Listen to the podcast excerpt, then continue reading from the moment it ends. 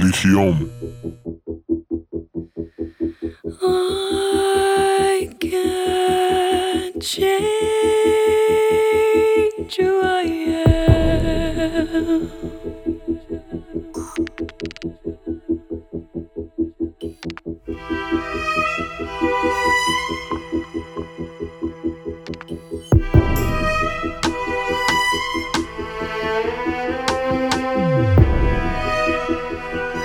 thank you